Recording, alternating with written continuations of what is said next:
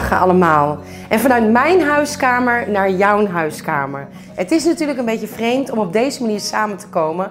En we kunnen niet fysiek bij elkaar zijn, maar in, in liefde en in geest en online lukt het wel. En daarom doen we het op deze manier. Vanochtend hebben we, eh, ja, zoals je ziet, de hele woonkamers omgebouwd tot studio. En eh, we hopen echt tot zegen te zijn voor jou ook deze ochtend. We hebben prachtige worshipliederen. Er komt ook een fijne preek. Dus maak je klaar en dan gaan we beginnen met de worship.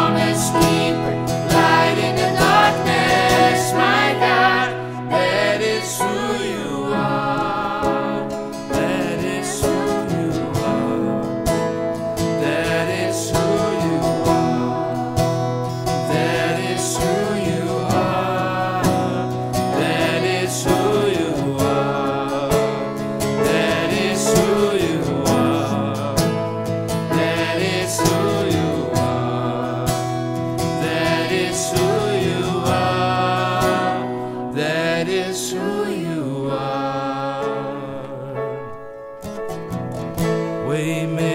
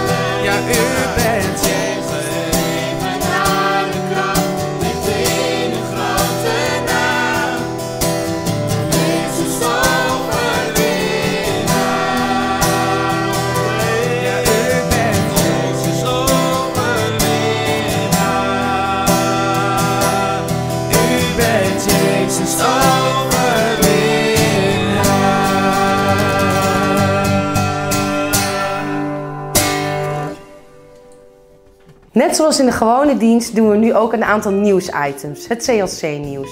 We leven naar Pasen toe en we denken aan het lijden en sterven van Jezus. Daar worden we natuurlijk stil van. En aankomende week is dan ook Stilteweek. En het is een prachtig initiatief ontwikkeld door 16 kerken in Leeuwarden om vanaf maandag elk moment van de dag te bidden voor onze stad.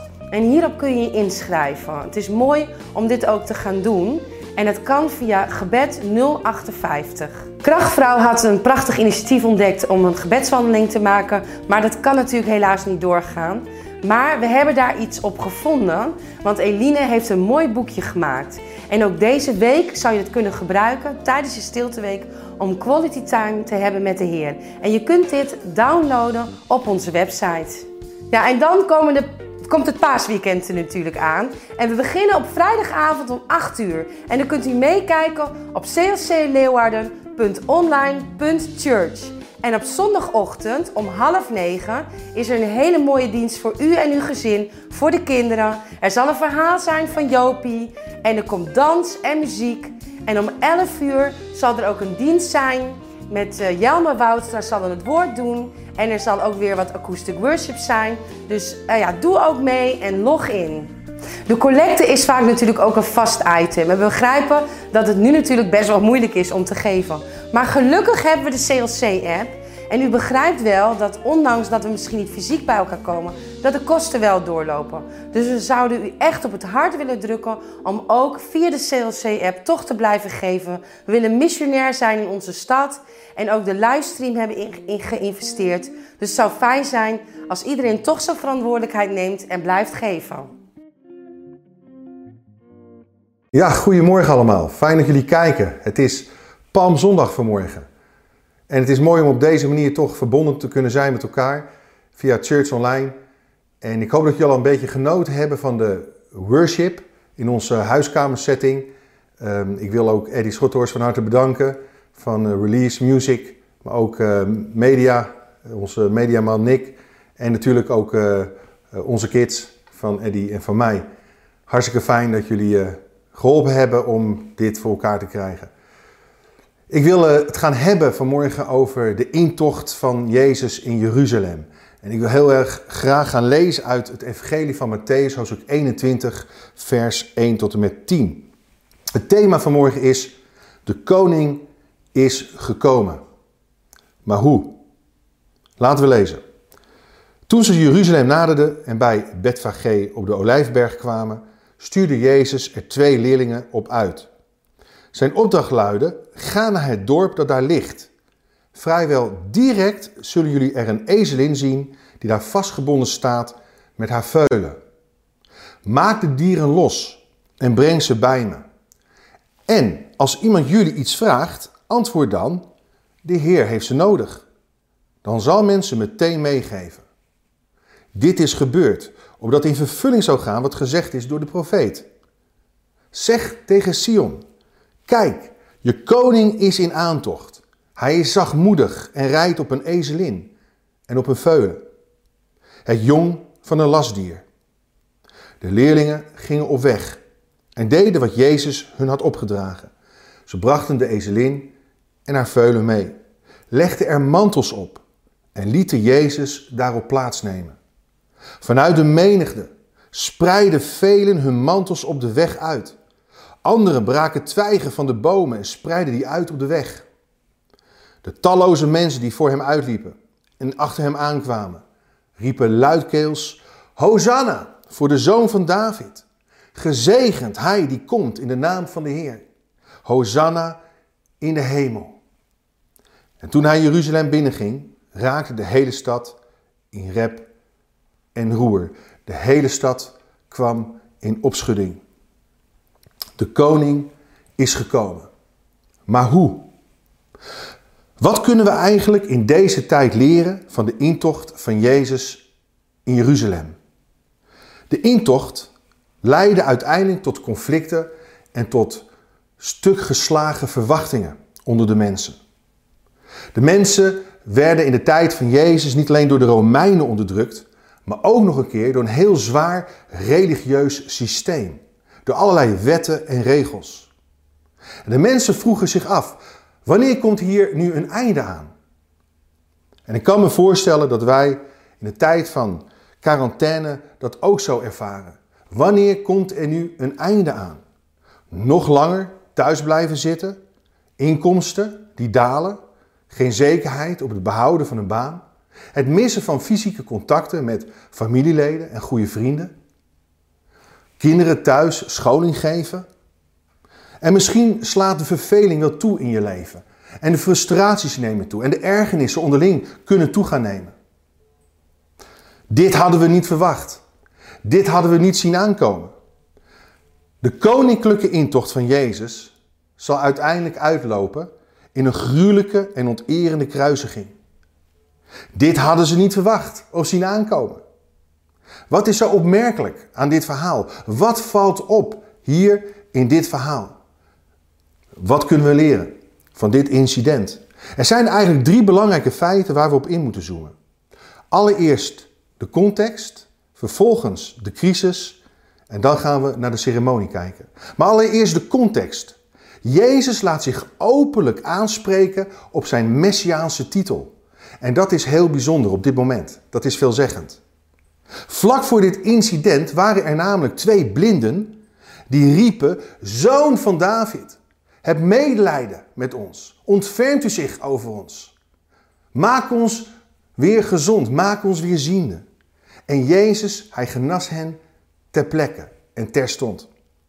En je kunt denken, ach, weer een wondertje zo onderweg naar Jeruzalem. Het evangelie staat vol wonderen van Jezus. Als alle wondertekenen van Jezus beschreven zouden moeten worden in, in, in boeken, zouden alle boeken van de wereld alle wonderen niet kunnen bevatten. Jezus, de waymaker. Degene die wonderen verricht. Degene die, die mensen weer opricht uit de dood en opwekt uit de dood. De wonderman. Wat is hier nu zo opmerkelijk aan? Nou, ik zal je dit zeggen. Dit is eigenlijk de eerste keer dat Jezus in het openbaar wordt aangeroepen als zoon van David, waar Jezus toestaat. Wat hij niet afremt. In alle andere gevallen vraagt hij, verzoekt hij de mensen om het niet verder te vertellen. Dat hij de zoon van David is. Maar nu wel. Nu wel. Waarom? Zoon van David was de titel van de Messiaanse koning, die over Israël en de hele wereld zou regeren. En dit was nu het grote moment. Dit is nu uh, het moment suprême om dat bekend te maken, om dat uit te roepen. Belangrijk, de context. En dan de crisis. Wat houdt dat in? De weerstand onder de Joodse leiders komt nu tot een climax. Door dit incident, door die intocht te Jeruzalem. Jezus, hij bevestigt en verklaart met zijn intocht dat hij inderdaad de Messias is. De zoon van de levende God. En dit betekent dat Jezus zo dadelijk zijn troon gaat opeisen. Dat hij zo dadelijk de Romeinse bezetting zal stopzetten. Tenminste, dat was de verwachting. Dat was de hoop. Alles wat Jezus nu gaat doen en zeggen, is geladen met het feit dat hij is aangeroepen met de zoon van David. De koning van iedereen. De Messiaanse koning die Jeruzalem binnenrijdt. Weet je, dit had een, een, enorme impact op de bevolking. Een enorme impact ook op zijn volgelingen, zijn discipelen. Tegelijkertijd zorgde dit voor de druppel die de emmer deed overlopen bij de Joodse leiders. Om Jezus nu ter dood te veroordelen. Want ze zeiden, hé, hey, maar wacht even. De hele wereld loopt hem achterna. Dit moet stoppen. We moeten hem executeren. We moeten hem elimineren. Hij moet uit de weg. We moeten van hem af. En dat was een heel bewust moment. Dat Jezus nu het toeliet. Om aangeroepen te worden als zoon van David. Dit was het moment voor hem om over vijf dagen te gaan sterven. Dit leidde namelijk tot zijn gevangenneming en uiteindelijk de kruisiging. Toen hij Jeruzalem binnenging, raakte dus de hele stad in opschudding. En het woordje opschudding in het Grieks kan ook gebruikt worden om een aardbeving te beschrijven. Wauw, wat een impact had deze koning, had deze man die niet zomaar mens was, maar meer dan een mens was. Gods zoon was. Dan ten derde, de ceremonie. Jezus, hij registreert zijn eigen intocht. Dat is heel belangrijk. De evangelist, hij gebruikt zelfs zeven versen om te beschrijven hoe Jezus zich voorbereidt op zijn intocht. Hij organiseert zijn intocht tot in de puntjes. Weet je, als kind dacht ik altijd dat het één grote verrassing voor hem was. Toen duizenden mensen naar hem toe kwamen en hem toe gingen juichen. Hosanna, Hosanna, de koning komt.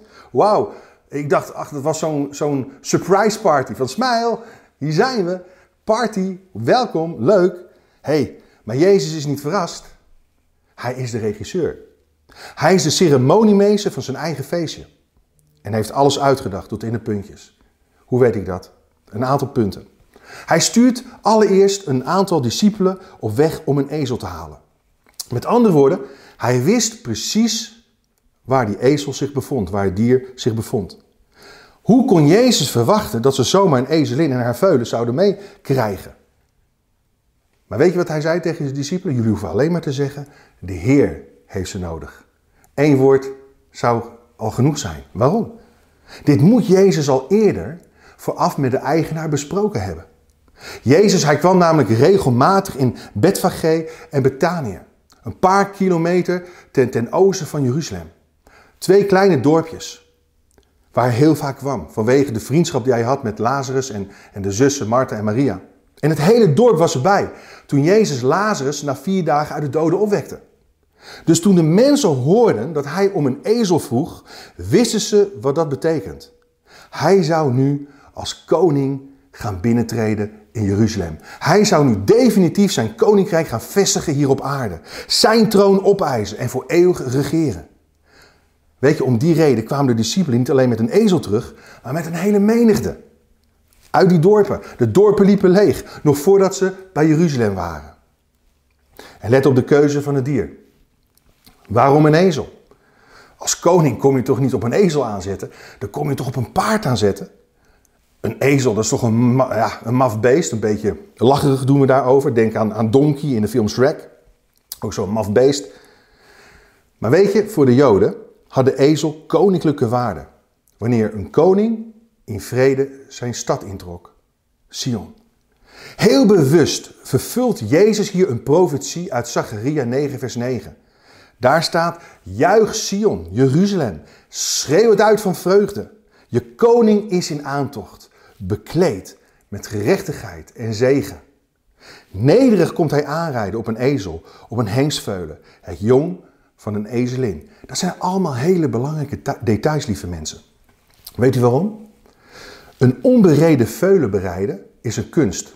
Ga maar eens op een ongetemd paard of een, een ongetemde ezel zitten. Dat, dat, dat kan niet zomaar in één keer. Dan val je er vanaf.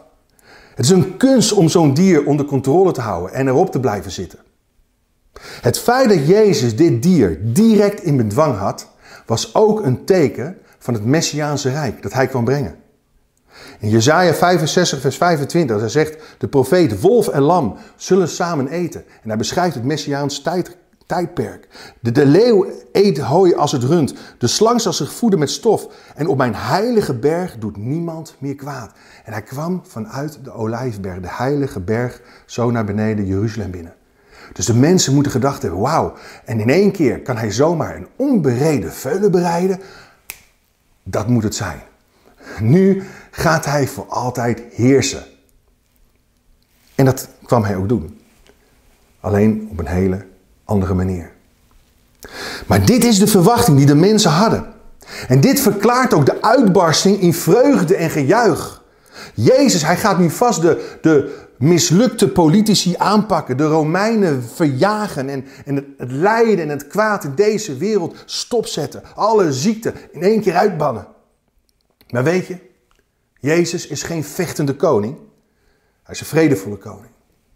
Hij kwam het lijden niet verklaren, maar hij kwam het lijden vullen met zijn eigen lijden en zijn eigen tegenwoordigheid en liefde. Weet je, onze verwachtingen kunnen zo haak staan op Gods plannen en zijn intenties, dat we het niet altijd begrijpen. Waarom dit? Waarom dat?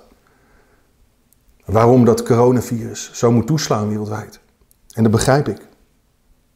Maar weet je, Jezus gaat niet met geweld alle problemen aanpakken en oplossen. Hij heeft hier zijn ogen gefixeerd op het paaslam dat geslacht gaat worden. En dat is hijzelf aan het kruis. Daar zal hij als koning en als priester zelf ook het offer zijn. Het bloed dat gevloeid wordt van, van het lam van God, dat vele zonden zal kunnen vergeven. Dat is zijn doel. Zodat wij een koninklijk priesterschap kunnen gaan vormen met elkaar. Dezelfde mensen die nu Hosanna zingen. Heer, red ons. Help ons. Roepen vijf dagen later, kruisig hem. Kruisig hem. Blijdschap kan zo snel omslaan in boosheid. Vreugde in verdriet, hoop in wanhoop. Weet je, en als het even niet gaat zoals wij vinden dat het moet gaan, dan worden we wanhopig, dan worden we boos. Daarom is het van belang om drie aspecten van deze koning voor ogen te houden. Zijn koningschap is namelijk confronterend, tegenstrijdig en transformerend. Confronterend. Want er staat, kijk, je koning is in aantocht. Oh ja, hij is absoluut nederig, maar niet bescheiden in deze zin. Hij zegt, hier is jullie koning, hier ben ik. Hij is zacht, hij is nederig, hij is liefhebbend. Maar over zichzelf is hij nu duidelijk en krachtig en hij komt uit voor wie hij is. Hij komt niet stiekem via de achterdeur binnenglippen. Maar hij komt openlijk door de poorten van Jeruzalem. En toen ze zongen, Hosanna, Hosanna, de koning, die komt, Hosanna in de hoogste hemelen, zei hij niet, "Sst, zwijg. Niet roepen, want ik ben zo nederig. Nee, er is geen valse bescheidenheid. Er is geen gewilde nederigheid in Jezus. Maar er is koninklijke waardigheid en moed om zijn doel te vervullen. Zijn claims over zichzelf zijn confronterend voor iedereen. Ben ik de koning van hemel en aarde? Oh ja? Oké dan. Huldig me of hoon me. Kroon me of kruisig me. Maar ik ben de koning en dat mag iedereen horen en weten. De vraag is natuurlijk, als hij de koning is, is hij dan ook de koning in jouw leven? Mag hij vandaag ook de koning in jouw leven zijn? Mag hij het zeggen hebben in jouw leven? Want het is waar het om gaat. Er is geen middenweg. Of je haalt je neus op voor deze koning, of je buigt voor hem neer in aanbidding. Je geeft je aan hem over, of je verwerpt hem. Het probleem is dat we zelf op de plaats van God willen staan. We willen zelf regeren, we willen het voor het zeggen hebben, we willen zelf koning zijn. Maar op deze palmzondag zegt Jezus tegen iedereen, waar kies je voor? Waar ga je voor? Jezus zegt, hey, ik wil je vriend zijn, ik wil je bro zijn, ik wil je bondgenoot zijn, ik wil je raadgever, je helper zijn, je trooster zijn, je, je coach, je leidsman, je, je beschermer. Maar dat alles kan ik niet doen als ik niet eerst de koning van je leven word. Laat me binnen op de troon van je hart. Want dan kan ik voor je zorgen als een goede vader voor zijn kind. Dat is de confronterende aard van Jezus' koningschap. Dan ten tweede, tegenstrijdig. Hij is tegenstrijdig, want er staat je koning is in aantocht zachtmoedig en rijdend op een ezel. Hij, hij komt niet op een soldatenpaard als een strijdende vorst, maar op een kwetsbare ezel, als een vredevorst. En de boodschap is dit. Ik kom in vrede om vrede te brengen, ook in jouw hart. Kijk, hij is zachtmoedig in aanraking met melaatsen, in aanraking met zieken, gehandicapten, hoeren en tollenaars. Mensen die hun hele leven in sociale quarantaine zijn geraakt. Maar hij kwam niet om rechtvaardigen te redden. Hij kwam om onrechtvaardigen te redden. En het is nog steeds zijn missie door jou en mij, door de kerk vandaag de dag heen. Het tegenstrijdige van deze koning bestaat hierin. Zodra hij in contact kwam met onrecht en huigelarij, vooral geestelijke huigelarij, werd hij kwaad. Zodra deze koning in de tempel komt, direct na zijn intocht, begint hij namelijk met de tempelreiniging. Het doel van de tempel was aanbidding, gebed. Maar de wisselaars hadden er een plaats van bedrog en onrecht van gemaakt, een rovershol. Ze misbruikten het doel van Gods huis. Ze gebruiken God in plaats dat God hun kon gebruiken. En even een klein detail nog. Als je beseft dat in de week voor Pasen 255.000 lammeren werden geofferd in Jeruzalem. En dat Jeruzalem veranderde in een miljoenenstad. Dan was er in die tempel een, een, een, een, herrie van je welste. Een kabaal, dat wil je niet weten. Maar het ergste is dat het niet meer ging om gebed en de ware aard van het offeren, maar om geld. Niet om compassie, maar om commercie. En door de tafels van de geldwisselaars om te gooien, stopte Jezus eigenlijk een heel corrupt banksysteem wat ontwikkeld was in die tempel. Alles werd even stopgezet. Hey, wacht even, waar gaat het eigenlijk om in ons leven? Het lijkt wel een beetje op onze situatie. De economie wordt stopgezet. De normale gang van zaken.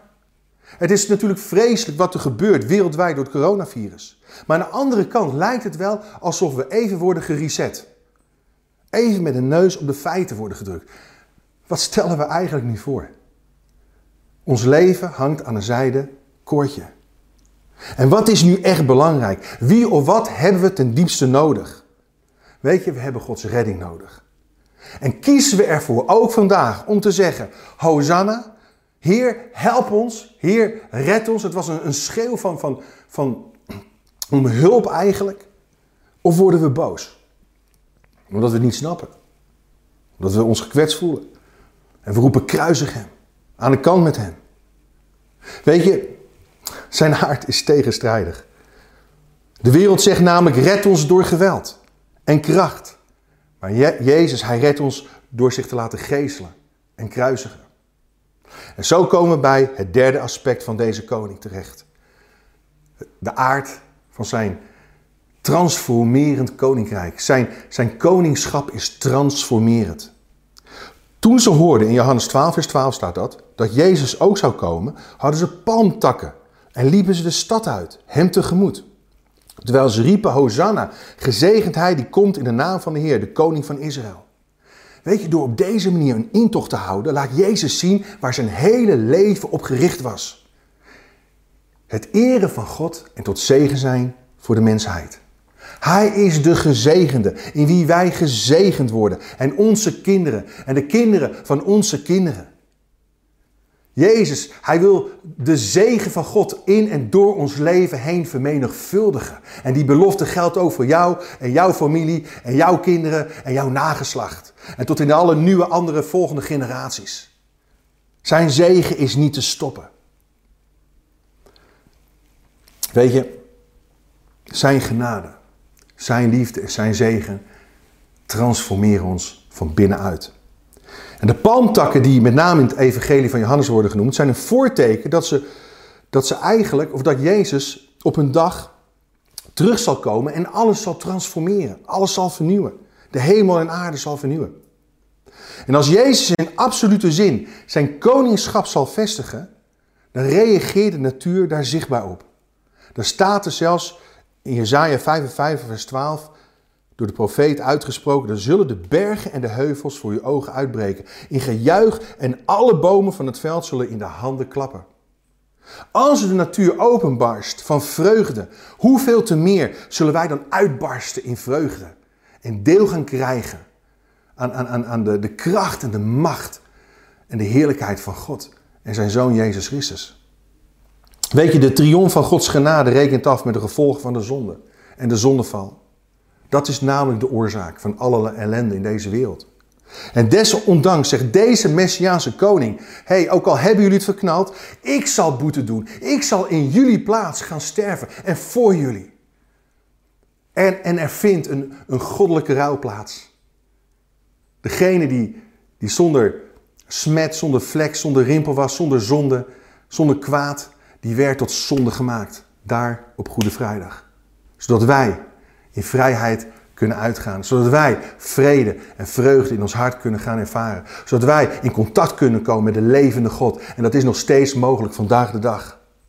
Weet je, door mijn armoede, zei Jezus, zullen jullie rijk worden. Dat is mijn genade. En in zwakte verbreek ik de macht van Satan aan het kruis. Zonde en dood.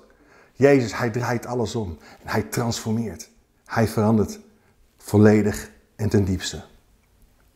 Ik wil gaan eindigen met de volgende gedachte. Heel veel mensen zuchten. De Bijbel zegt, niet alleen wij mensen zuchten naar die dag die komen gaat, maar de hele schepping, de natuur zucht. Maar deze schepping, de hemel en aarde, zij zullen bevrijd worden van verderf en van vervuiling. En wij zullen gaan komen met elkaar, mens, dier en schepping, tot de heerlijke vrijheid van Gods kinderen. Ook wij zuchten diep, zolang we uitzien naar het moment waarop God ons hele bestaan zal bevrijden, verlossen en transformeren. Dit is onze hoop. Dit is ons anker. En daarom geven wij de moed niet op. Ook niet in deze tijd. O, gezegend Hij die komt in de naam van de Heer. Zullen we bidden en onze ogen sluiten. En bid mij rustig met me mee. O Heer, help ons. Help ons. Help alle mensen in de zorg. Help alle ondernemers die een bedrijf staande proberen te houden. Help alle gezinnen, Heer, die, die hun, kinderen thuis onderwijs moeten geven. Heer, doorgrond onze harten, genees de zieken.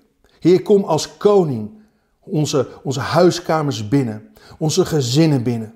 En kom met uw zegen. Breek door met uw vrede. Breek door met uw kracht. Breek door met uw koninkrijk. Heer, dat er herstel zal plaatsvinden in relaties. Heer, dat de vergevende kracht van Jezus mag stromen door onze harten op dit moment. En Heer, vul ons met die hoop. Vul ons, Heer, met geloof. En vul ons bovenal met uw liefde. In Jezus' naam. Amen.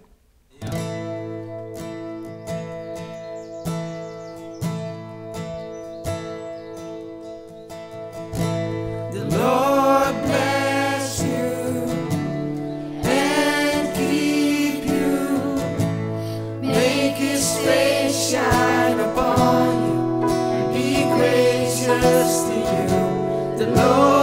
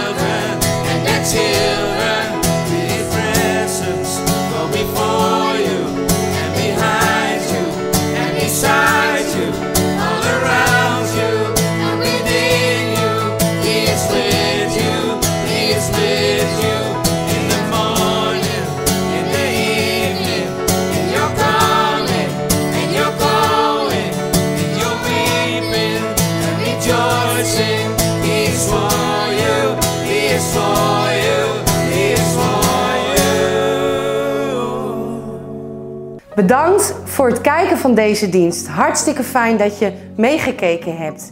En eh, we hopen je natuurlijk ook weer te zien aanstaande vrijdag om 8 uur. Tot dan.